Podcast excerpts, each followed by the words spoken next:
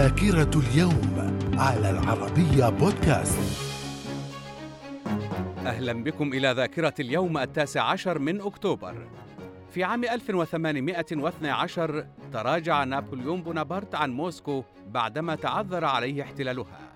في عام 1935 عصبة الأمم تفرض عقوبات اقتصادية على إيطاليا وذلك بسبب قيامها بغزو إثيوبيا. من الذاكرة. في عام 1954 جمال عبد الناصر يوقع اتفاقية الجلاء البريطانية عن مصر خلال عشرين شهراً.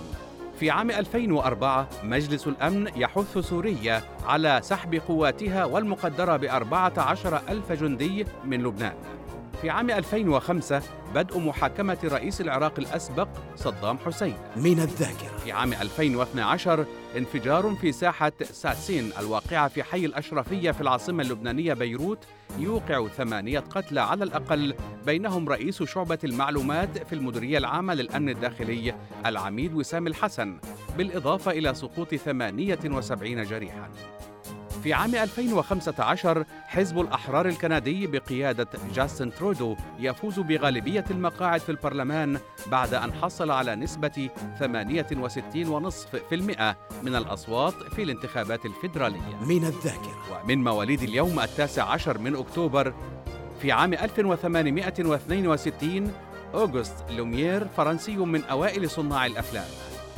في عام 1938 ماجد بن عبد العزيز آل سعود أمير منطقة مكة المكرمة.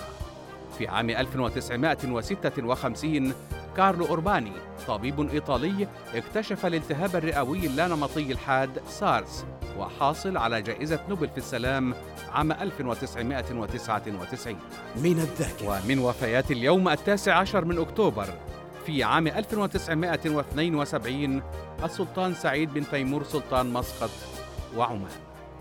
إلى اللقاء.